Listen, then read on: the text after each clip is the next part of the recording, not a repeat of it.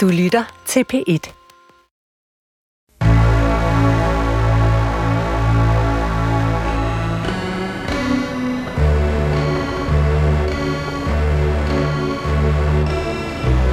Du har ringet til Hemmeligheder på P1. Tak for din hemmelighed. Vi lover at passe godt på den. Min hemmelighed er, at jeg er mega misundelig på min datters udseende. Velkommen til Hemmeligheder. Mit navn er Sanne Sigal Benmoyal, og det her det var altså den første hemmelighed, som er indtalt på den telefonsvar, du altid kan ringe til. Det eneste, du skal gøre, det er at ringe på 28 54 4000, og så skal du aflevere din hemmelighed. Og jeg har sagt det før, og jeg siger det gerne igen. Vi kan jo ikke tilgive dig. Vi kan ikke give dig en velsignelse. Vi kan ikke som sådan forløse noget for dig, eller give dig verdens bedste råd. Men vi kan være jeres ventil. Og det er det, vi rigtig gerne vil være på hemmeligheder. Vi vil gerne være en national ventil. Og når vi er jeres ventil, så er vi jo også i virkeligheden bare jeres store ører, eller jeres store mikrofon. I kan sige tingene højt, og det har ingen konsekvenser. I dag har jeg en gæst med, der vil være med til at være jeres store ører.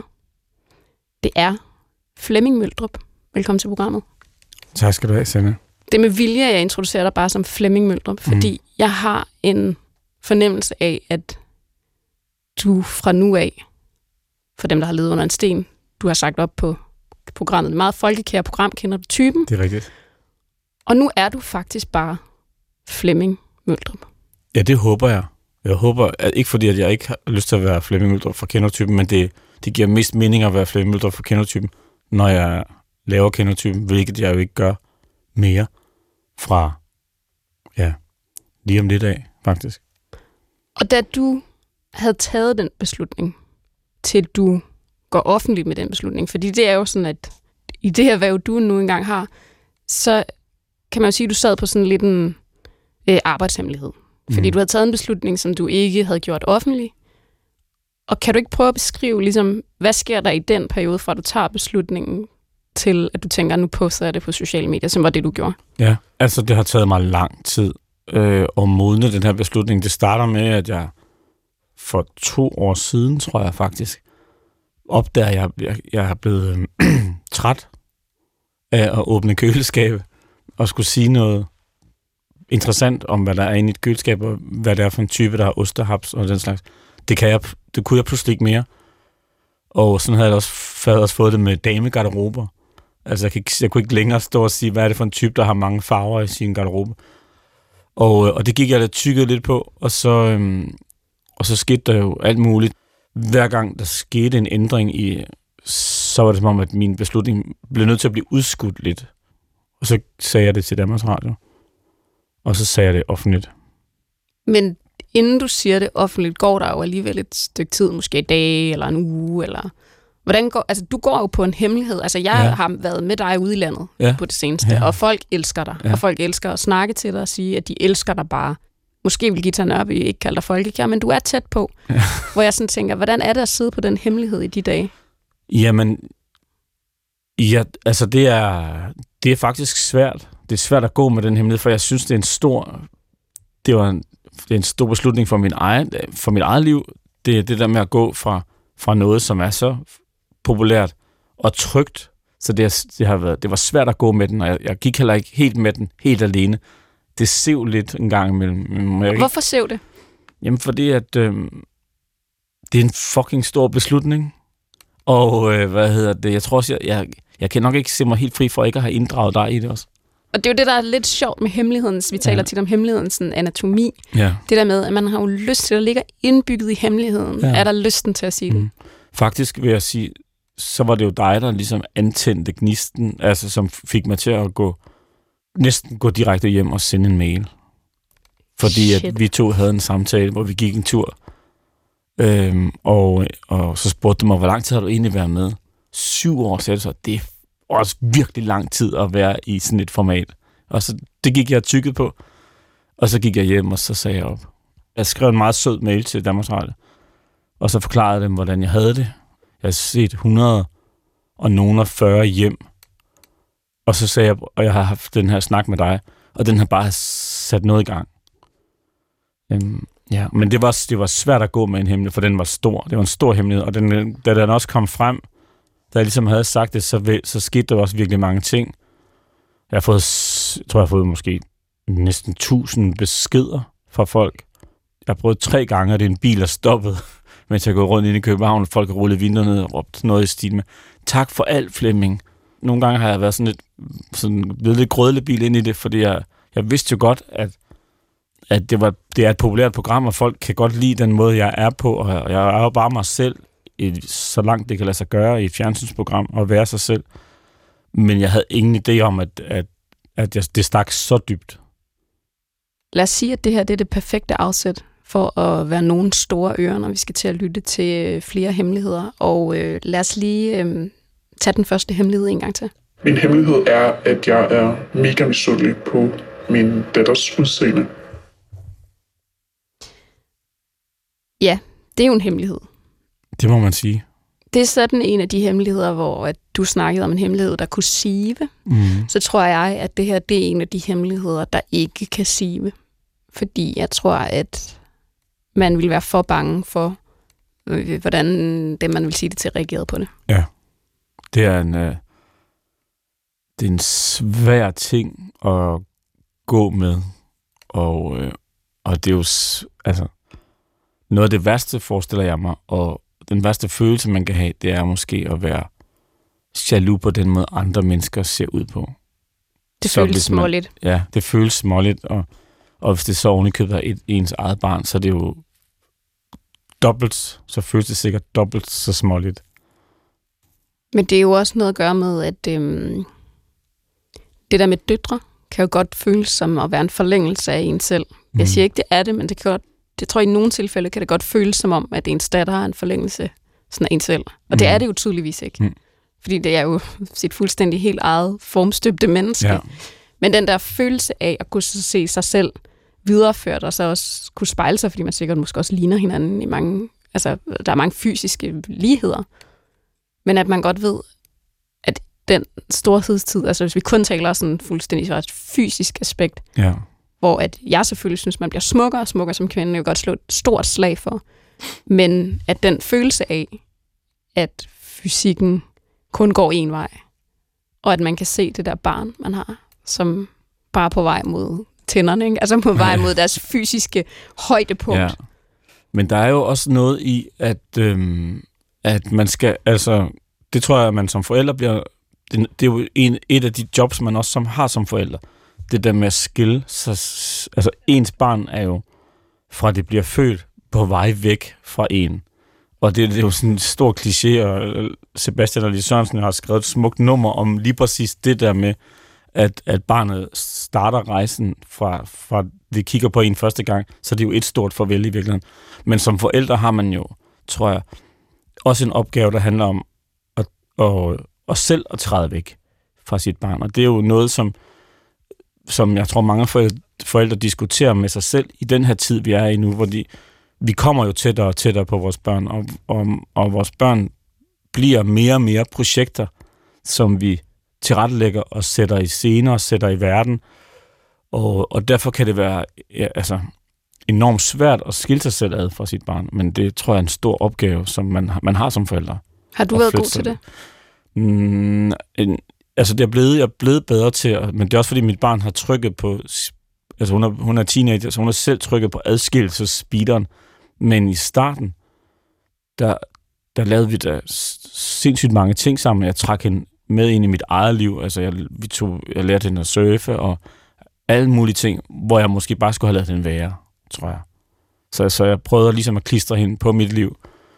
Øhm, og, og det der kom der en masse spændende oplevelser ud af, men der er også kommet noget, noget ud af det, som jeg tænker, har, hvor hun har fået nogle oplevelser lidt for tidligt, og, blevet, og har lagt afstand til det, fordi det er mig, der har iscenesat det og, og, og trukket hende med ind i det. Så du Mm. ser i virkeligheden, at den adskillelsesknap, hun trykker på nu, er et sundhedstegn. Ja, er meget, og hun skal have lov til at lukke døren til sit værelse, uden at jeg skal komme rendende hele tiden. Og her har vi nok i virkeligheden at gøre med den modsatte, altså en, en voksen, der skal simpelthen træde et skridt tilbage. Ja, Fordi selvom man kan føle som en forlængelse af sit barn, så er man det jo ikke. men er det ikke? Nej. Og det kan jo føles ekstremt smerteligt, at man tænker, hvad, når de lærer at tage det skridt, ikke? når de er omkring et år, så er de bare, altså, så er de bare på vej væk. Jeg Ja. kan huske, at jeg græd, og det var ikke af glæde. Ja. Jeg var bare sådan, du er på vej væk fra Ja. mig, da mit barn tog sit første Og det er, så, det er også, altså, jeg skulle sige, i gamle dage, hvor børn var børn, og, øh, og, øh, og, og de fik lov til at, altså, som barn, jeg kan, jeg kan, altså, jeg, jeg tror, jeg kan, jeg kan ikke erindre, at min mor kan huske, har spurgt, hvor jeg har været henne, når jeg har været ude at lege. Altså, og- det vil jo aldrig ske i dag. I dag har vi jo så meget kontrol over vores børn, at vi næsten har taget øh, friheden fra dem, altså friheden til at være barn på, på barnets præmisser. Og så jeg tror meget af det der med at, at flytte sig væk, dreje sig, vende rundt og kigge væk, og, og, øh, og lade være med at have så meget fokus på sin, sine børn og sine børns trivsel på den måde, at man bliver nødt til at, at hele tiden sætte dem i gang og være, og, og være en del af alt, hvad de laver. Det tror jeg vel, det er meget sundt, tror jeg. Lad os gå videre til den næste hemmelighed, som jeg lige afspiller, og så har vi lytteren med på en telefon bagefter. Min hemmelighed er, at jeg er en ung mand på ja, midt 20'erne, og de sidste tre år af mit liv har været meget præget af en forelskelse, og den er stadig. Det er sådan sådan ikke en hemmelighed, for det er jeg rimelig åben om. Men meget få ved præcis, hvor meget det præger min hverdag. Jeg kan ikke sove, uden at kigge på den anden side af domsengen. og kigge til den tomme side, og sige, Godnat, min skat. Du er pisse smuk og dejlig. Og du ikke sove pisse godt. Jeg kan ikke have sex med andre, uden at tænke på hende. Jeg kan ikke kigge på andre, uden at se hende for mig. Jeg kan ikke gå en dag, uden at hun er i mit hoved. Og jeg føler, at mit liv ikke forandres. Jeg husker hver detalje, vi har haft sammen. Hver en episode, vi har haft sammen alle de gange, vi ses. Det kører som en film i mit hoved hver evig eneste dag.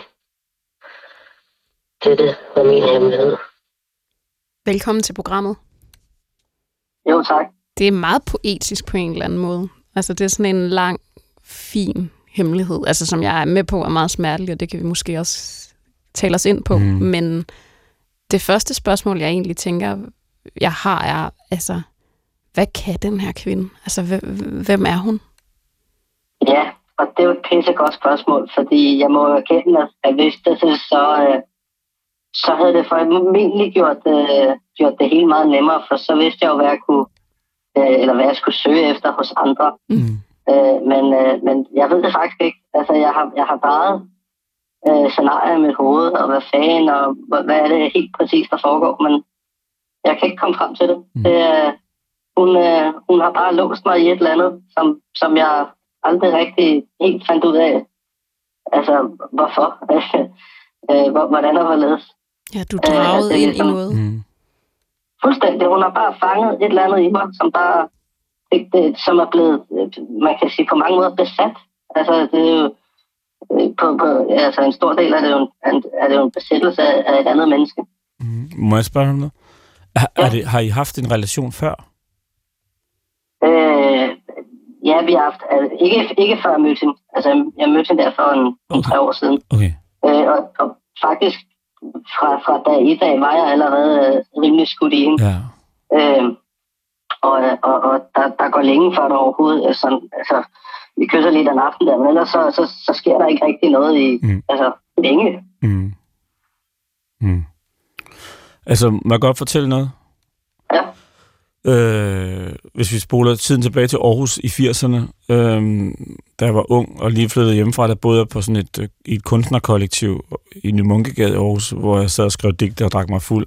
Øh, og en dag, hvor jeg sad og skrev digte, så går døren op. Øh, jeg har tømmermænd, så går døren op, så kommer der en meget, meget, meget smuk pige ind på mit værelse, og så siger hun, åh, siger hun så på amerikansk eller engelsk. Jeg gik forkert. Og, øh, og, øh, og jeg, da jeg så hende, så vidste jeg bare, åh, hvor er hun altså smuk og dejlig. Og så øh, viser det sig, at hun så er gammel veninde med en af dem, der bor i kollektivet og i Danmark for at besøge hende. Og så begynder vi at hænge ud, og, øhm, og det er sommer, og vi bader og kravler over hegnet til svømmehallen på Frederiksbjerg, øh, som er en udendørs svømmehal, og vi svømmer om natten, og vi kysser og drikker os fulde, og når hun rejser hjem igen, så hæver jeg min børneopsparing, og så den er på 26.000, og så køber jeg en flybillet med SAS til 13.000 kroner, og flyver til New York over til hende. Og så er vi derover og har store planer om, at nu skal det være os to, for vi er begge to så forelskede hinanden. Og så er der i USA i nogle måneder, og så fungerer det ikke rigtigt med at være ung og i et andet land, hvor man ikke rigtig må være alligevel og sådan nogle ting. Og så træffer jeg en beslutning, som hedder, at nu tager jeg hjem. Og så tager jeg hjem, og så øh, bærer jeg, hun hed Sheila, så bærer jeg Sheila rundt i mit hjerte, som sådan en, lidt ligesom måske, sådan, som du måske har det, uden at vide, hvordan du måske rigtig har det. Så bærer jeg hende rundt i mit hjerte, øh, sådan der, og passer på hende og alt muligt, indtil det går op for mig, at jeg i virkeligheden ikke er forelsket, men jeg måske er, er lidt sorgfuld over at have mistet hende. Forstår du, hvad jeg mener? Jeg forstår godt, hvad du mener. Ja, måske er det slet ikke en forelskelse, men måske er det en sorg, du har. Og måske skal du kigge på det som en... Jeg snakker bare, du må bare sige, at jeg skal ja, til stille. Og så måske skal du kigge på det som en sorg. Og en, hvis man kigger på det som en sorg, og ikke som en forelskelse, så holder det op med at være en besættelse, men så bliver det til noget, man kan gå med i sit hjerte, indtil man er klar til at slippe det på en eller anden måde. Jeg ved ikke, om det giver nogen mening, men sådan, det gjorde jeg placeret Stila der, og, øh, og nu er jeg bare glad for, at øh, jeg har haft de der fantastiske oplevelser med hende. Altså jeg kan godt føle dig i, i, i det, du siger. Jeg, jeg, jeg, jeg, jeg, det, jeg tror bare for mig, fun, altså, det fungerer sådan lidt anderledes. Ja. Altså, Hvordan fungerer altså, det for dig? Jo, man, man, altså man kan sige, at den mest øh, altså, dominerende ting, det er jo selvfølgelig det her med, med, med, med sådan lidt øh, tvangstanke ting og, og, omkring, når jeg skal sove, nogle gange også, når man står op. Og, ja. Altså det der med, du ved, øh, altså stort set altid, når jeg er alene, så, så forestiller jeg mig, at, altså, at hun er i nærheden, og hun, altså jeg forestiller mig samtaler med hende. Jeg, ja. ved, jeg, altså min, min hverdag er ikke stærkt præget af, at jeg, at jeg tænker, at hun er i nærheden af mig. Øh, eller hvad, hvad skal jeg sige til hende næste gang? Skal jeg altså, få hende tilbage? Øh, og har også i flere omgange prøvet at, at få fat på hende igen. Og, og vi har også efterfølgende haft noget mere sammen, og så døde det lidt hen, og så prøvede jeg lidt mere, og så øh, nu står det sådan lidt i stase igen. Øh, og og, og det, det, det har bare været sådan det samme, sådan lidt tårtrækkeri. Og, mm. Kunne der ligge, som Flemming talte om der, måske også en lille sorg indbygget i det, du siger der? Ja, der er lidt sorg i det, fordi jeg, jeg, altså, altså, jeg er så modig, og jeg er ked af, at, at, at jeg stadig ikke, altså, at det stadig ikke er meget hende. Du savner hende? Det gør jeg hver eneste dag. Mm. Og jeg kan huske nøjagtigt, hvad, altså, jeg kan huske nøjagtigt, hvor vi mødtes inden. Jeg kan huske nøjagtigt, hvor jeg, hvor jeg sad. Jeg kan mm. huske nøjagtigt, hvad hun havde på. Jeg kan huske nøjagtigt, hvad vi snakkede om. Øh, den, altså, som både den første dag, vi mødtes, og den næste dag, vi mødtes, og dagen efter det. Altså, alle de gange, vi har set hinanden, der, jeg kan huske hver eneste ting. Har du prøvet ligesom aktivt at få hende ud af dit hoved? Ja, jeg har, jeg har opsøgt en psykolog en gang, øh, og, og, havde, og sådan prøvet at snakke med det om det. Øh, det hjalp ikke. Det, det, jeg, jeg synes ikke, jeg kan komme nogen vej. Og hvorfor er det egentlig, at du bærer rundt på det som en hemmelighed? Øh, det er fordi, at jeg er, altså, jeg er meget gammeldags. Jeg er måske 23 år, men, men oppe i hovedet er meget, altså, meget mere af den gamle skole. Mm. Altså det der med at være, være sådan et, øh, altså være følsom som mand, det, det er stadig ikke, det huder mig ikke. Det er ikke noget, der, mm. der ligger til mig. Det er ikke noget, jeg vender mig til. Det er ikke, det er ikke sådan, jeg selv ser mig. Og det er ikke sådan, jeg nogensinde er blevet set. Synes du, det er pinligt, eller? Ja, ja, jeg synes, det er pinligt, jeg ikke bare kan, du ved, øh, gøre ligesom mine andre venner, og så bare, Nå, det skal bare lige, du ved, du skal bare lige der skal bare lige et par tøser til det, og så er det, så er det overstået, du ved. Der skal aldrig det, bare et par tøser til. Jeg har, jeg har prøvet sådan at være sammen med andre efterfølgende, mm. og, og altså, jeg når nærmest kun lige i gang, og så, så synes jeg allerede, det er kedeligt, mand. Jeg tænker, nok, det kunne have været meget mere spændende, hvis det var hende. Altså, det, det, det, det, altså, det stopper allerede lige snart, det nærmest starter. Har du prøvet at indvige nogen i det her? Altså ud over ja. psykologen? Øh, jeg sagde det til min kammerat i søndags, øh, jeg var nede på søen. Altså ligesom du siger det til, til os? Jeg fortalte ham det hele, Og hvad sagde han? og snakkede med ham omkring det. Hvad sagde han til det? Øh, altså, han vidste jo godt noget af det, ikke? men han var jo overrasket over sådan helt præcist, at altså, hvor dybt det borede sig det her, hvor, hvor, hvor langt ned i, Ja. i altså, hvor, hvor langt inde i mit liv, det, er jeg påvirket af det. Det er jo øh, også en lidt tung følelse at gå rundt med, hvis det er sådan, at du vidderligt tænker på hende her hver dag, siger godnat til hende, nærmest siger godmorgen til hende. Øhm, jeg kan ikke, jeg, altså, jeg kan ikke sove uden. Jeg har prøvet at drikke mig pissefuld, og altså, nærmest ligget og savlet der. Men, og, altså, men jeg kan ligge to-tre timer med slukket fjernsyn, slukket telefon, slukket alt muligt, og bare stige ud i luften. Og jeg falder ikke i søvn, før jeg har gjort det. se, det er jo, altså det er jo, Ja. hvis du kunne omsætte det der det til et digt eller noget, altså en sang eller... Altså, det har jeg også gjort af flere omgange. Okay, ja. Ja, ja, Hvordan, har, hvordan, ja, når du gør det, hvad sker der så? jamen, så, så, jeg får jo en masse tanker, Ja. og så, så tænker jeg, "Nå, så skriver vi det ned. Så altså lige frem med notesblokken, du ved, eller ja, det er mest Mm. telefonen, ikke? så kan jeg få det lige ned. Så skal det bare lige, øh, fordi så kommer det ud af mit hoved, du ved, det bliver lagt på min telefon, ja. eller det ligger et eller andet sted, du ved, så kan jeg gemme det væk. Så kan jeg kigge på det en dag og tænke, okay, det var sådan, du havde det, så kan jeg bygge videre på det, så kan man arbejde med det, men, men det er i, i altså, det er noget, jeg har, altså, også har gjort at skrive ned, hvad jeg tænker, og, og jeg både vil skrive i sådan et øh, ikke-format, og sådan lidt mere sådan Mm. poetisk format, tror man kalder det. Øh, altså, hvor det ikke behøver at rime eller noget, men bare har sådan en, de store betydninger.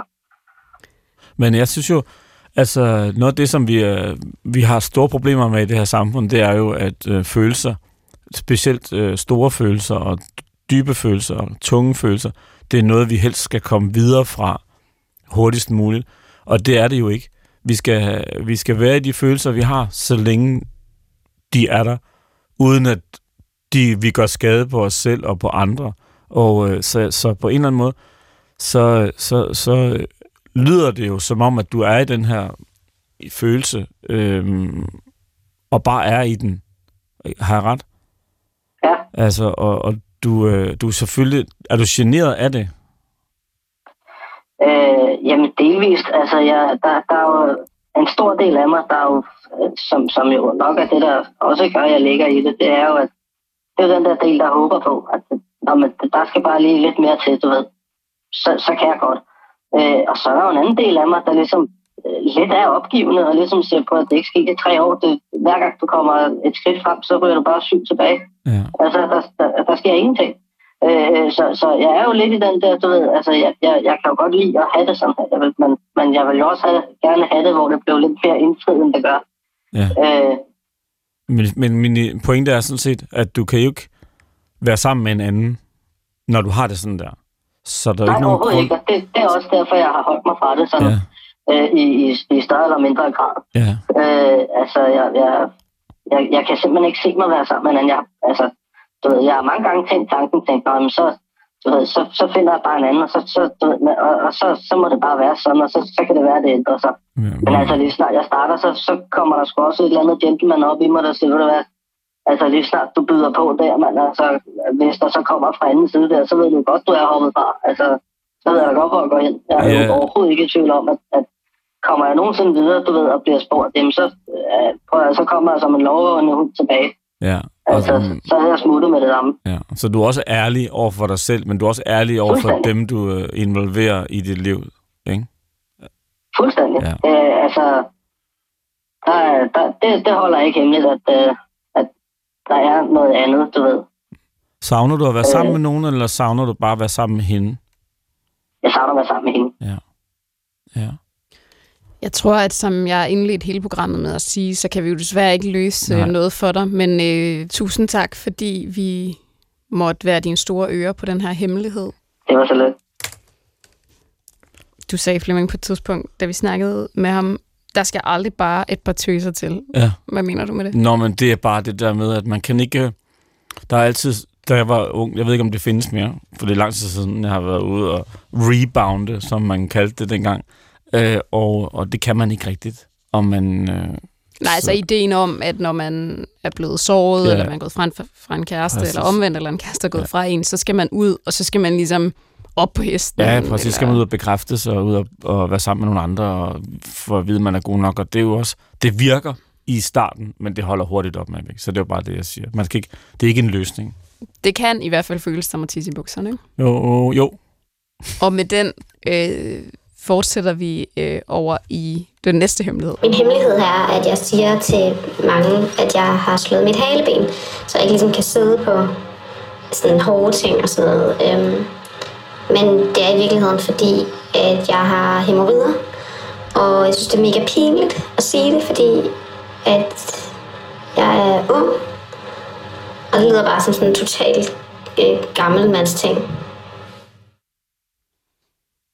Ja, det er jo sådan noget, som man måske ville kunne kategorisere som en lille hemmelighed, men det kan jo godt blive en ret stor hemmelighed. Ja, det er, sådan et, det, det er jo sætter sig som sådan en socialt handicap, hvis man kan, ja, kan man sige det? det Nej, ved i jeg hvert ikke, fald om man kan sige, social angst. Ikke? Social angst, ja. Som hæmmer en på en måde at være ude i verden på. Altså, fordi alle mennesker sidder jo ned. Ja. Det er det, der er det store problem. Man kan sige, at fra tid til anden sidder vi jo alle sammen ned i en Ja. social sammenhæng, og her der synes jeg, at meget af hemmeligheden ligger ligesom også i den sidste del. Ja. Der med, jeg synes, det er pinligt, fordi jeg er ung. Ja. Altså, at nogle øh, lidelser er kategoriseret sådan, som om, at det er kun folk over 60. Altså ligesom hvis du havde Ja. galsten, Ja. eller altså sådan nogle af de der ikke inkontinent, altså, Nej. altså Ja. inkonti, Kontinens. inkontinens. Ja. så er der jo altså så er der jo her en ung kvinde, Ja. som er nødt til at lyve om, at så tider kan hun bare ikke rigtig sidde ned.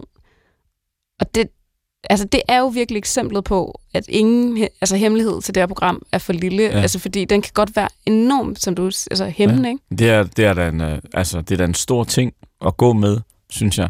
Øh, det lød forkert. Men, øh, men, men, men fordi, det, fordi man bliver nødt til at forklare sig hele tiden ude i en, i en social sammenhæng. Øh, fordi nogen vil sige, vil du ikke sidde ned? Nej, nej, nej. Ja, hvorfor ikke? Jeg har slået mit haleben. Så man, man, er, man bliver nødt til at hele tiden bortforklare.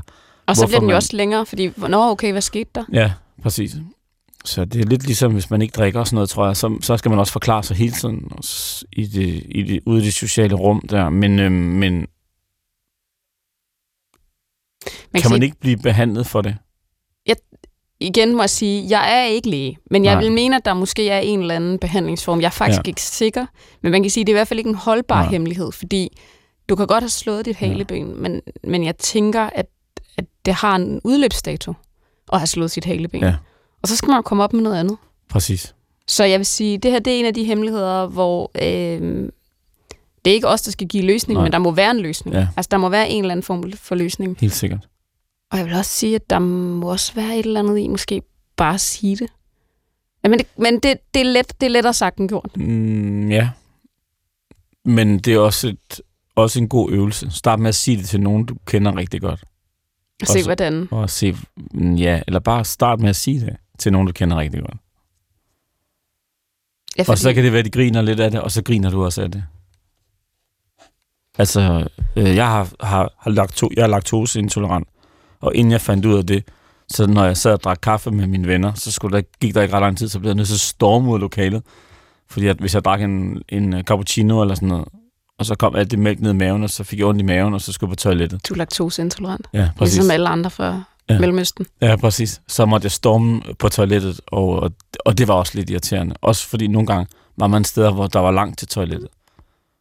Lad os lige spille den næste hemmelighed, og så har vi øh, personen nede på telefonen. Min hemmelighed er, at jeg føler mig enormt venneløs. Øhm, og de venner, jeg har, det er ligesom om, at de har en lidt bedre ven end mig, som de foretrækker at være sammen med. Så jeg sidder altid alene i mine weekender, øh, og det er utrolig, utrolig ensomt. Og jeg bliver snart færdiguddannet og har ikke lyst til at holde en dimissionsfest, fordi at jeg ikke føler, at jeg har nogle venner at invitere. Ja. Velkommen til programmet. Tak for det. Og øhm, meget, meget fint, at du vil tale med os, for jeg tror, det her det er noget, som rigtig mange kan genkende derude. Mhm. jeg tænker på, at når jeg, når jeg har skrevet ned, sådan som jeg har skrevet den her hemmelighed ned, så har jeg skrevet vendeløs, og det er jo ikke sådan, det er. Men nu har jeg bare ligesom givet den en titel, men vil du ikke prøve at beskrive den følelse, du faktisk går rundt med? Ja, for det er jo nok nærmere en følelse af vendeløshed, frem for egentlig at være vendeløs. Øh, men jeg tror, det er fordi, at jeg omgås med mange mennesker, som øh, har rigtig mange venner med fra deres øh, ungdom, altså sådan deres folkeskole, eller efterskole, eller gymnasie, øh, som bare har et rigtig godt bånd til dem, og jeg er rigtig misundelig over, at de har det bånd til nogle mennesker, som jeg ikke føler, at jeg har. Og jeg tror, det ligger rigtig meget i det, at jeg føler mig venneløs, fordi så ligesom de har de her venner, som at de er bedre venner med, og måske foretrækker at være sammen med mig. Og hvordan ja. kommer det ligesom sådan til udtryk?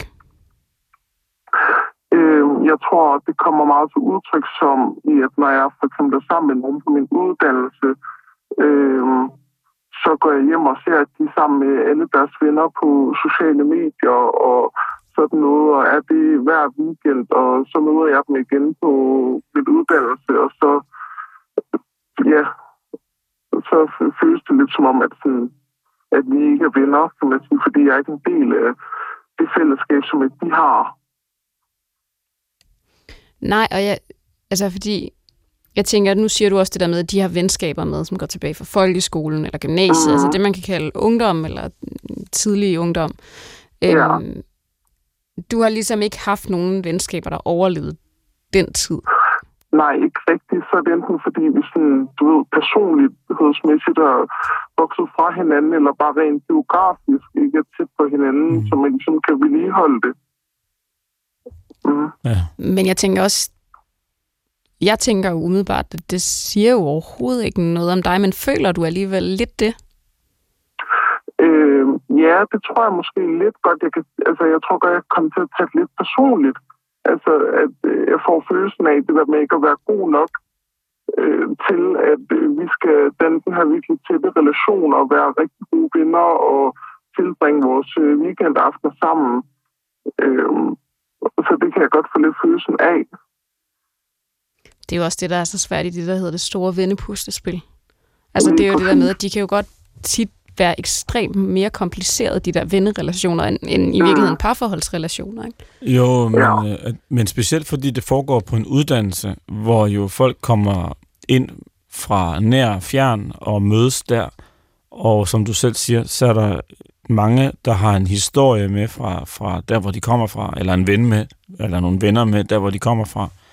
Så det er selvfølgelig et ekstra ordinært hårdt sted at skulle lave nære venner på sin uddannelse. Øhm, det forstår jeg godt.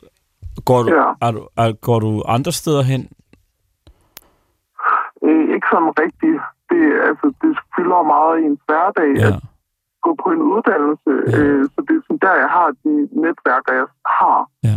Øh, ja. Fordi at jeg ikke er derfra, hvor jeg læser. Ja. Øh, ja. Kan du godt høre, at Flemming og jeg taler os lidt ind i, fordi vi er jo unægteligt lidt ældre, end du er, at det er lidt Ja. en, livsfase? Ja. Jamen, Det, altså, det har jeg også tit tænkt over, at, at det måske bare, jeg bare skal stole på processen, at det så nok skal komme. Men det at være i det her, sådan, hvad kan man sige, sådan, mellemstykke, det kan godt være sådan lidt svært. Øhm, for jeg, jeg tænker også, at jeg prøver at sige til mig selv, sådan, du skal nok finde en, der har øh, brug for dig lige så meget, som du har brug for dem. Øh, men det er bare ensomt at være i den her mellemtid. Ja. Ja. Det er Hvor- det mest ensomme i verden, hvis Ja, man har den følelse i maven. Ja, det er, det, det kan være det er virkelig, virkelig hårdt. Øhm, Ja. men der er jo også, altså, mm, nu, ja, det, det er virkelig svært ikke at sidde og komme med virkelig gode råd. Altså, øhm, det må du øh, bære over med mig, hvis jeg ikke kan dybe mig. Men der Ja. er jo også noget med at søge andre steder hen. Altså, der er jo alle mulige... Nu siger jeg bare noget, ikke? og det er noget helt andet sikkert, vi snakker om. Men, men øhm, for eksempel ensomhed er jo en stor, øh, stor ting i Danmark. Der er mange, der føler sig ensom i af alle mulige årsager. Og det kan være, øh, man kan godt have mange venner, og så føle sig ensom, og man kan sidde helt mutters alene, og så føle sig ensom. Og i midt imellem, om et eller andet sted inde i alt det, der er der en masse mennesker, der arbejder på at føre mennesker sammen, som måske har lyst til at komme ud og møde nogle mennesker, øh, som de ikke kender i forvejen. Ja. Så, så, så hvis jeg ikke, hvis jeg, må ikke, hvis jeg ikke skal, altså, det er svært for mig at ikke sige til dig, prøv at gå, gå ned af, af den vej, der hedder, nu stiller jeg mig et andet sted end på min uddannelse. Øhm, og Ja. jeg ved godt, det, det, det bliver så løsningsorienteret, det må du virkelig undskylde. Men jeg kender det selv, jeg kender det fra mig selv, min, jeg, fra min egen ungdom. Jeg havde meget få venner, øhm, og, øhm, og, og det er også meget, et meget porøst sted at være, når man er ung, og ikke at have særlig mange venner, fordi de venner er jo ikke forpligtet til at tage sig af mig. Forstår du, hvad jeg Nej. mener? Så man Ja. kan hurtigt komme til at føle sig sådan lidt alene. Plus at jeg også var meget sådan, ej, det, jeg gider heller ikke gå særlig meget ud, jeg gider slet ikke gå det sted hen og sådan noget. Så kunne jeg bedre sætte mig ned og være for mig selv. Og jeg, ja, jeg, jeg lærte også meget, jeg lærte også meget tidligt som barn også at passe på mig selv og være mig selv. Så jeg kan sagtens få tiden til at gå alene. Men derfor Mhm. kan man jo en gang imellem godt blive ramt af følelsen, som er den her med, at man, man er lidt alene, fordi at ens venner render rundt og laver alt muligt andet. Ja. Men, men jeg tror også bare, nu har du erkendt, erkendt det, og, du har, og det er en hemmelighed, som du har ringet ind til de store ører med. Øhm, og, og så tror jeg, at øh, ja, det er jo måske noget med at prøve at stille, stille sig andre steder også, og se om der kommer noget ud af Mm. det. Ja. Jamen helt sikkert. Jeg tror også, altså, det der ligger i det er også bare, at det er grænseoverskridende Ja. at skulle den nære relationer, fordi man skal jo give noget af sig selv Ja. For Har at få noget igen.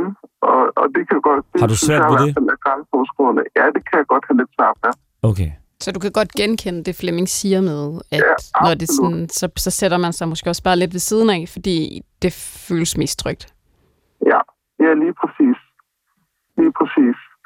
Og der er også, jeg kan godt have det sådan lidt nogle gange, når at jeg er sammen med nogen, som jeg ved har nogle tætte venner, der ikke er mig. Jeg kan godt føle, at det er sådan, altså, det behøver jeg ikke, det skal jeg ikke til at gøre, fordi det kommer der nok ikke, altså, får jeg nok ikke noget ud af. Øhm, så det handler sådan lidt om at måske finde den der balance der mellem prøve at give lidt af sig selv og se, om man får lidt igen. Ja. Jeg har en, øh, en meget, meget, meget stor erfaring i at give noget af mig selv. Og øh, og jeg vil bare sige til dig, der kommer kun interessante oplevelser af, ud af at dele ud af sig selv. Mm. Og, man, og der kommer næsten ingen interessante oplevelser ud af ikke at dele ud af sig selv. Nej, Der kan både komme en god oplevelse ud af at dele ud af sig selv, og der kan komme en dårlig oplevelse ud af at dele ud af sig selv. Men uanset hvad, så samler man til bunke, når det kommer til erfaring, og man lærer over tid at dosere, hvor meget man skal give af sig selv. Men, men, men der kommer ingen oplevelser ud af ikke at ture give af sig selv. nej. Men jeg oplever også, at det er meget altså, overfladiske venskaber, som man, man får ved det. Øh, så det er nok også derfor, at jeg føler mig sådan lidt vendeløs. Det er fordi, det hele er meget overfladisk. Ja. Ja. Det er også der, hvor jeg tror, at livsfasen kommer ind igen. Studiemiljøet Ja. kan være svært at navigere i, netop fordi folk er der, men de ved, de er der på sådan lidt Mm. et... Ja. Hvad jeg vil sige, de ved godt, at om fire år, så er det slut, og så er der nogen, der skal på bacheloren, og nogen Ja. går videre på kandidaten. Det er et specielt sted i livet, du står, og jeg håber, at du vil holde fast i at tænke, at, at alt går i faser, ja. og at det er nogle af de bedste venskaber, får man altså også som, i sit voksenliv. Jeg har, Ja. ingen, jeg har ingen venner fra min folkeskole eller fra andre uddannelser. Jeg har kun venner fra efter jeg kom ud og blev, mig, altså, blev sat fri. Du var lige ved at sige at blive mig selv. Ja, blev sat fri. Ja, altså blev sat Ja. fri. Ikke? Der, det er der alle mine venner stammer fra. Ja. Så Okay. det er er Sanne godt at siger. høre. Mm. Hva, øh, ved, ja. din, ved dine forældre det her? Nej, det gør det ikke. Det er kun min kæreste, der ved det. Hvordan Mm. var det egentlig at fortælle det til os? Øh, jeg synes, det er rart at ventilere det lidt. Altså sådan, øh, jeg har, min kæreste er også meget øh, løsningsorienteret. Øh, og jeg tror, Mm. tit så har man bare brug for Mm. at snakke om det. Øh, og det, er jo- ja, så det er rart. Det er det. Du må også undskylde, jeg, kom, og- jeg sad og kom med en løsning. Det må du Det også så undskylde. Det gør overhovedet ikke noget. Mm. Det gør det ikke. Jeg håber, at øh, jeg håber, at du tager lidt af det med dig. Du behøver jeg ikke, bestemt. Men du må gerne.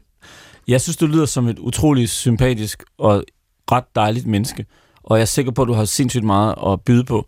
Så øh, stil dig nu bare ud og giv noget af dig selv. Okay, tak for det. Tak fordi du ringede. Selv tak. Hej. Jeg tror, jeg blander mig for meget. Det må du undskylde, Sande. At det skal du Det ikke er bare undskylde. svært. Prøv at alle er i det her program på hver deres måde, og derfor er alle programmer forskellige. Okay. Ja. Altså, nogen giver ikke, altså, deler om sig med løsninger, og nogen altså, lytter kun, og nogen bliver faktisk nærmest helt apatiske. Okay. Så det vil sige, altså, der findes øh, ikke en slags gæst på det her program. Okay. Vi tager den sidste hemmelighed, og så skal du jo fortælle en hemmelighed. Ja. Og den, normalt plejer gæsten at være lidt nervøs, men i dag er jeg faktisk også lidt nervøs, for jeg ved ikke, hvad der er, der kommer min vej. Vi tager den sidste øh, hemmelighed. Min hemmelighed er, at jeg synes, at folk, der går op i fodbold, er uintelligente og ekskluderende. Jeg foragter fodboldtilhængere alt, hvad det står for. Da der var EM i herrefodbold sidste år, hvor Danmarks landshold klarede over al forventning, kunne jeg slet ikke forstå euforien. Jeg havde det kvalmt over at se de røde farver i gaderne. Jeg kunne slet ikke holde ud, når min arbejdsplads pyntede op i kantinen med dannebro og balloner, hver gang Danmark skulle spille en kamp. For mig repræsenterer fodbold ikke fællesskab og sammenhold, men eksklusion, homofobi, racisme og en ubehagelig form for nationalisme. Jeg ser derfor mig selv som værende bedre end de mennesker, der går op i fodbold. Og se, der er det igen, at hvis man nu var kendt med i dansk, og det, det er jeg jo. Jeg siger ikke, at jeg har analysen klar, men jeg synes, det er interessant den sidste del af det. Ikke? Ja. Altså det der med, at øh, jeg ser mig selv som bedre end de andre. Altså, det er jo der hemmeligheden ligger, fordi det andet er jo et manifest. Ja. Det er jo bare, altså man kan jo ikke, altså det er jo til dels homofobisk, og det er jo også forholdsvis nationalistisk, det foretagende, om man kan lide det eller ej. Og øh, ofte også racistisk. ofte også det. Altså, jeg vil da sige, jeg synes, at det er meget sjovt at se fodbold, der klemmer i nogle røde farver fra Ja. tid til anden, men, men om man kan lide det eller ej, Ja. at en, altså, hemmeligheden ligger jo i, at man jo ikke kan sige til folk, jeg føler mig bedre end jer, ja. fordi jeg hader det her. Ja. Jeg er hævet over det Jeg her. er hævet over det her. Ja. Og den følelse tror jeg, alle kan genkende. Ja. Den der følelse af, at det kan du ikke sige til nogen. Nej. Måske en rigtig god ven, der måske har det lidt på samme måde, men ellers så er det jo, især i Danmark, en virkelig forbudt følelse at tænke, altså det er simpelthen bedre end det her. Ja. Det er jo janteloven, der kommer ind. Det er det.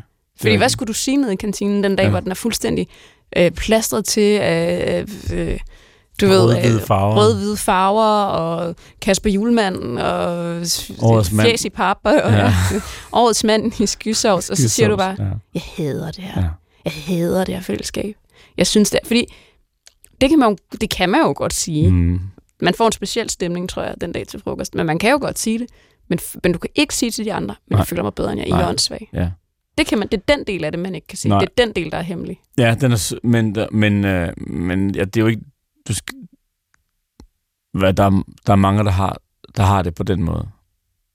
Der føler sig hævet over fodbold og fodboldfans og fodboldromantik øh, romantik, øh, af, af forskellige årsager. Men øh, Jeg troede, det var mere legalt at have håndbold. Øh, der er også mange, der hader håndbold. Der er, men der er rigtig mange, der elsker håndbold også. Ikke? Og, øh, og, øh, men, men der er mange, der ikke forstår det der med fodbold. Og der, der er også, altså, øh, jeg kan også godt komme i tvivl nogle gange, når jeg, når der, for eksempel, når vi mødes som fodbold, og øhm, der er nogen, der skal kaste med, med dåseøl ind over en menneskemængde med børn i, eller når øh, vi skal ud, ud, øh, hvad hedder sådan noget, udkommandere politi i massevis, for at skille to grupperinger ad, som er kommet op og, som er top, op og toppes om, om en fodbold. Altså, så kan jeg også godt komme i tvivl nogle gange, om det virkelig er, er det nu fornuftigt nok, det her? Altså, så, men, men, men, men, men det er rigtigt at føle sig hævet over de andre, fordi de andre befinder sig på sådan et neandertalstadie, når, øh, når, når Danmark vinder. Så bliver vi jo, altså vi går jo i national massepsykose. Så hvis man ikke er fanget i, hvis man ikke kommer med ned i det der, så, så, øh, så står man også udefra og kigger ind på noget, som er fuldstændig crazy. Prøv at forestille dig at arbejde et sted, hvor de pynter op i kantinen, fordi Danmark klarer sig godt. Altså, hvem skal få... hvor- Altså, det er lidt, jeg har det lidt ligesom, når man hænger ukrainske plastikflag ud af vinduet. Hvad, hvad skal det, hvor gør det godt henne nogle steder? Så, så det er jo, man bliver altid lidt klogere, når man, kan, når man evner at stille sig uden for gruppen og kigge ind på gruppen, og så se, hvordan den rigtigt opfører sig. Altså, det, svært her, at det er i se hvert fald i et dæmmert også, ikke? Jo, præcis. Og på den måde bruger du faktisk din, din aller sidste livsstilseksperts øh, viden på vores sidste hemmelighed, som på en eller anden måde er en meget smuk... Øh, Ja. fordi hvem er den her type? Ja, det er, ja. Kender du den her type? Jeg kender lidt af typen fra mig selv. Faktisk.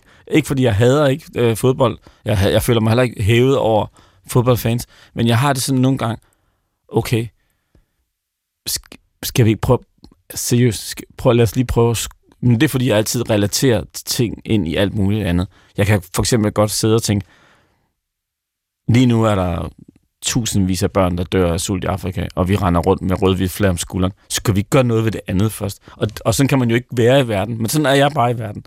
Så nogle gange kan jeg godt blive sådan lidt øh, forvirret og konfus omkring det der med, hvor er det, vi prioriterer vores indsatser. For eksempel, nu tager vi jo gladeligt til Katar, og, øh, og det er ikke verdens bedste regime, men vi tager gladeligt derned, og, og vi kan ikke have en diskussion om, hvorvidt vi skal afsted eller ej. Vi skal bare afsted, fordi det er fodbold. Men, øh, men der er 16.000 mennesker, plus minus, tror jeg, Amnesty opgør det til, som har mistet livet i forbindelse med det her. Og det er migrantarbejdere, som er nogle af verdens fattigste arbejdere.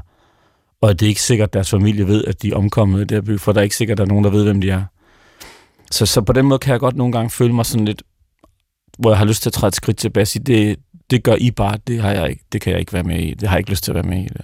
Men jeg tror også, du har, du har en rem af huden af den her øh, fodboldsforagtsfyr, som ligesom, når, der, når nogen samles om noget i store mængder, så står I lidt udenfor og kigger ind. så bliver vi lidt kontrære. Men jeg kan godt lide at se fodbold. Det vil jeg bare sige. Lad os øh, slutte på det, og så lad os... Øh, nu sætter jeg mig lige til rette, fordi Ja. nu skal jeg ikke... Øh, mm. Ikke, at jeg ikke skal snakke, men øh, du, har jo en, altså, du har jo faktisk en hemmelighed med i dag. Jeg blev bedt om at tage en hemmelighed med jer. Ja. Mm. Jamen, det er jo fordi, jeg føler, at, at lytterne giver os så Ja. ja. meget. Og jeg kan jo ikke på program nummer 140, altså, jeg er med på, at jeg har hemmeligheder, men jeg kan jo ikke komme op med en hver uge. Nej. Så, så derfor er det jo, det er jo jer, der giver noget, altså Ja. jer, der sidder i den. Ja. Ja. Men jeg ved ikke om jeg ved ikke om du kan genkende den her hemmelighed. Lad os se. Lad os se. Altså, min hemmelighed er, at jeg to, jeg ved ikke, hvordan jeg skal sige det, jeg er barn af to kulturer. Det, altså, nej, det er ikke hemmeligheden. Hemmeligheden er ikke, at jeg, fordi at, øh, det har jeg talt meget åbent om. Jeg har talt meget åbent om, at min far fra, var fra Israel. Han er død nu. Og at øh, jeg voksede op alene hos min mor i Aarhus, fordi at min far på et tidspunkt savnede Israel så meget, at han måtte rejse hjem, fordi min mor ikke ville med. Men hemmeligheden er, at jeg tror aldrig, jeg har fundet ud af at leve et roligt liv som dobbeltkultursbarn. Altså, det har virkelig plaget mig. Og øh, det har jeg aldrig sagt til nogen. At jeg aldrig, jeg tror aldrig, jeg har haft et roligt øjeblik ind i det der. Jeg har altid været på farten. Jeg, det har hele tiden været på farten. Både professionelt og privat. Det er først nu, hvor jeg er blevet gift med Rikke, at der ligesom, jeg kan mærke, der kommer ro på mit system sådan for alvor. Øhm, jeg, altså, min hemmelighed er, at jeg også på en måde skammer mig over ikke at føle mig rigtig dansk, Men heller ikke føler dig rigtig men israelsk. heller ikke føle mig rigtig israelsk. Ja, det er nemlig rigtigt. Og at øh, jeg skammer mig lidt over, af, at øh, følelsen ikke at høre til nogen steder har udmyndtet sig i handlinger, som har bekræftet mig i, at jeg heller ikke hører til nogen steder. Altså, Ja. jeg har opsøgt, jeg har gjort ting for at blive bekræftet i, at jeg var bare, jeg var sådan en, som ikke rigtig passede ind nogen steder. Fordi jeg var både det ene og det andet. Øhm, så den sande hemmelighed er nok, at jeg ikke ved, hvordan man lever et roligt liv som barn af to kulturer. Så jeg, har, jeg, kan ikke, jeg kan ikke finde ud af at være både dansk og israelsk på samme tid. Der er sådan en kamp i mig hele tiden. Det er min hemmelighed. Det er, jo en, ja, det er jo en eksistentiel hemmelighed. Ja. Som jo også har ja, sådan en helt lavpraktisk altså slagside. Altså at, som du siger, du er på farten, du føler dig ja, lidt hjemløs. Altså, Urolig Ja. hele tiden. Altid. Jeg hedder jo Flemming. Det er jo næsten en, det er sådan, det er sådan, det er jo næsten sådan en, en og kast, det synes jeg næsten er sådan at kaste en dunk benzin på, på, på mine følelser. Og jeg kan ikke sige, at jeg, kan ikke sige, at jeg ikke, har, jeg ikke også er vred over hedde Flemming. Jeg synes, det, det er respektløst at kalde mig noget så dansk, velvidende, at jeg er, har en halvdelen af mig, er hører til i en anden kultur. Ja, det gør det næsten. Det er sådan et benspænd næsten. Ja, fuldstændig. Fordi så er der jo heller ikke nogen, der kan aflæse det. Der er ikke nogen, der kan afkode dig. Du kan ikke Nej. sige, hvor, altså, du hedder jo mere end Flemming. Ja. Altså, du hedder Ja, Flemming Møldrup. ja, Det er jo også Ja. ekstremt dansk. ja, meget. Altså, ja. Og på den måde kan man jo ikke afkode dig. Man kan måske Nej. Se, når du har... Så har jeg min fars efternavn, men det er stadig ikke. Nej. Nej. Altså, jeg mener, det er, jo, det er jo det der med at blive set og forstået. Ja, Mm, Og der kan man jo sige, det kan jo være svært at se på dig, at du er andet. Og så kan man alligevel. ja Men det man, det. kan ikke, man kan ikke se, hvad det er, du Nej, er. man kan ikke se, hvad man kan bare se, at jeg også er noget andet. Altså, jeg vil jo sige, jeg kan jo genkende alt, og jeg tror, at de fleste børn af to kulturer kan genkende den der følelse Mhm. af aldrig at slå til. Det er nemlig rigtigt. Fordi du vil jo aldrig være, altså, vil aldrig vil- være det ene Nej. eller det andet. og den restløshed, synes Ja. du på en eller anden måde skamfuld, men hvorfor er den skamfuld? Jeg synes, den er skamfuld, fordi at, øh, at, jeg har, at Danmark har givet mig alting, og Israel har også givet mig virkelig meget. Men jeg er alligevel ikke taknemmelig for nogen af delene, fordi jeg er, jeg er ikke, øh, jeg er ikke det ene eller det andet. Altså, Nej, det er så underligt, det Ja, der med det er sådan en- fugl eller fisk. og det er jo bare, det er jo følelse, det er jo bare en følelse, og ikke så meget andet, fordi jeg lever jo et fantastisk liv. Der er bare sådan en, en indre uro, som jeg har været plaget af, så længe jeg kan huske. Mm. Har du, Og jeg vil ønske, vi, tal, vi, vi talte mere om to kultursbørn i samfundet. jamen de er lidt glemt. Ja. Fordi jeg tror, at man ser dem som værende fuldstændig ligesom integreret. Altså, ja. de er jo, og det har folk sikkert også til dig, sagt til dig tusind gange, du er jo dansker. Ja, præcis. Øhm, og det kan man jo sige, Mm. mm. det er du måske den ene dag. Ja, mm. Øh, og det er du måske bare ikke den anden dag. præcis. Men hvorfor tror du, at du har hemmeligholdt det? Altså, hvorfor tror du ikke, du har indvidet folk i det? Jamen, jeg, fordi jeg, jeg skammer mig over ikke at, jeg har skammer mig over ikke at omfavne Danmark. Altså, elske Danmarks betingelsesløst, for det gør jeg ikke. Og jeg skammer mig over ikke at have gjort mere ud af at blive israeler, for det har jeg ikke gjort. Altså, så jeg har rejst i Israel rigtig meget, jeg har besøgt min familie dernede rigtig meget, men jeg har aldrig, jeg har sagt nej til at flytte derned, når jeg er blevet tilbudt det, og alle mulige ting. Så jeg, så, på, en- så jeg skammer mig. Der er to følelser inde i mig, som jeg skammer mig over. Det, den ene er det der med, at jeg ikke, øh, jeg ikke altså sige højt, jeg er glad for Danmark, men jeg føler mig ikke rigtig dansk, når det kommer til stykket. Lever din mor stadig? Jeg sidder over i Aarhus. Tror du, hun ville blive ked af at høre, at du ikke føler dig sådan helt? Nej, hun ved det godt. Men hun vil blive ked af det med Flemming. For hun synes, det er et flot navn. så, Det er det jo også. ah, Men jeg forstår, nej, men jeg, men jeg forstår også godt, altså, vi har jo alle sammen brug for at høre til. Det er jo bare sådan en, tænker jeg, form for biologisk altså, ja. nødvendighed, mm. også ikke, at vi mhm. hører til i en eller anden flok. Og når man er, og det, når man er et blandingsbarn, ja, så vil det jo også være naturligt, at man lander et sted midt imellem. Og det er det eneste, du ikke kan. præcis. Du Og kan ikke tror- bare tage tilbage til der, hvor Nej, den halvdelen af dig kom fra. nej. Fordi halvdelen af dig bor et andet sted. Lige præcis. Jeg tror, jeg tror, der er mange, der har det som mig. Jeg Ja. ved, der er mange, der har det som Mm. mm. dig. Og jeg, jeg tror, at... Og det er, jo, det er jo problemet. Det er jo, at det er uløseligt. Altså, den der uro, synes jeg har været... Når man først får øje på den, så, så er den til at, holde, have til at gøre med, men det, tog lang tid for mig. Så den har været øje- gennemgående. Ja, meget. Meget. Det er den, den har defineret mig. Det er jo i, i bund og grund, hvis jeg skal være, vente til noget positivt, så, er det, så, så trives jeg jo i, øhm, jeg trives i øh, krydsfeltet mellem usikkerhed og sikkerhed. Altså tryghed og utryghed. Og det er jo også derfor, blandt andet, jeg forlader kender typen uden at have noget andet fjernsyn på hånden. Det er der ikke ret mange andre, der vil gøre, tror jeg. Men jeg trives i, i, øh, jeg trives i det der felt, som er mellem, altså, mellem det ene og det andet. Og det tror jeg har noget at gøre med, at jeg, Ja. Det er yderlighederne. Ja, at jeg er, jeg er lidt af det ene og lidt af det andet.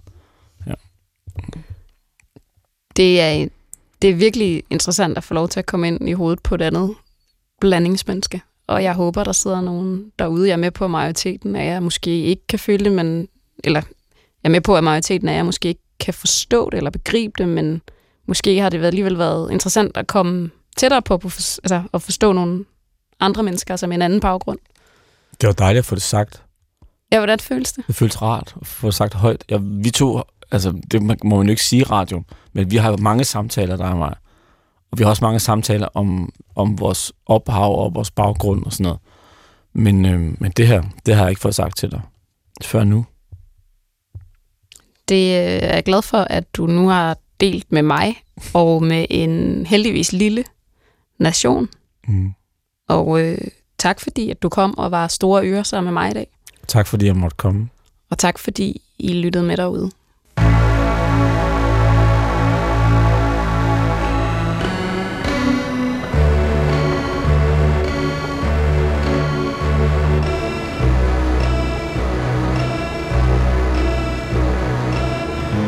Du har ringet til Hemmeligheder på P1. Tak for din hemmelighed. Vi lover at passe godt på den. Gå på opdagelse i alle DR's podcast og radioprogrammer. I appen DR Lyd.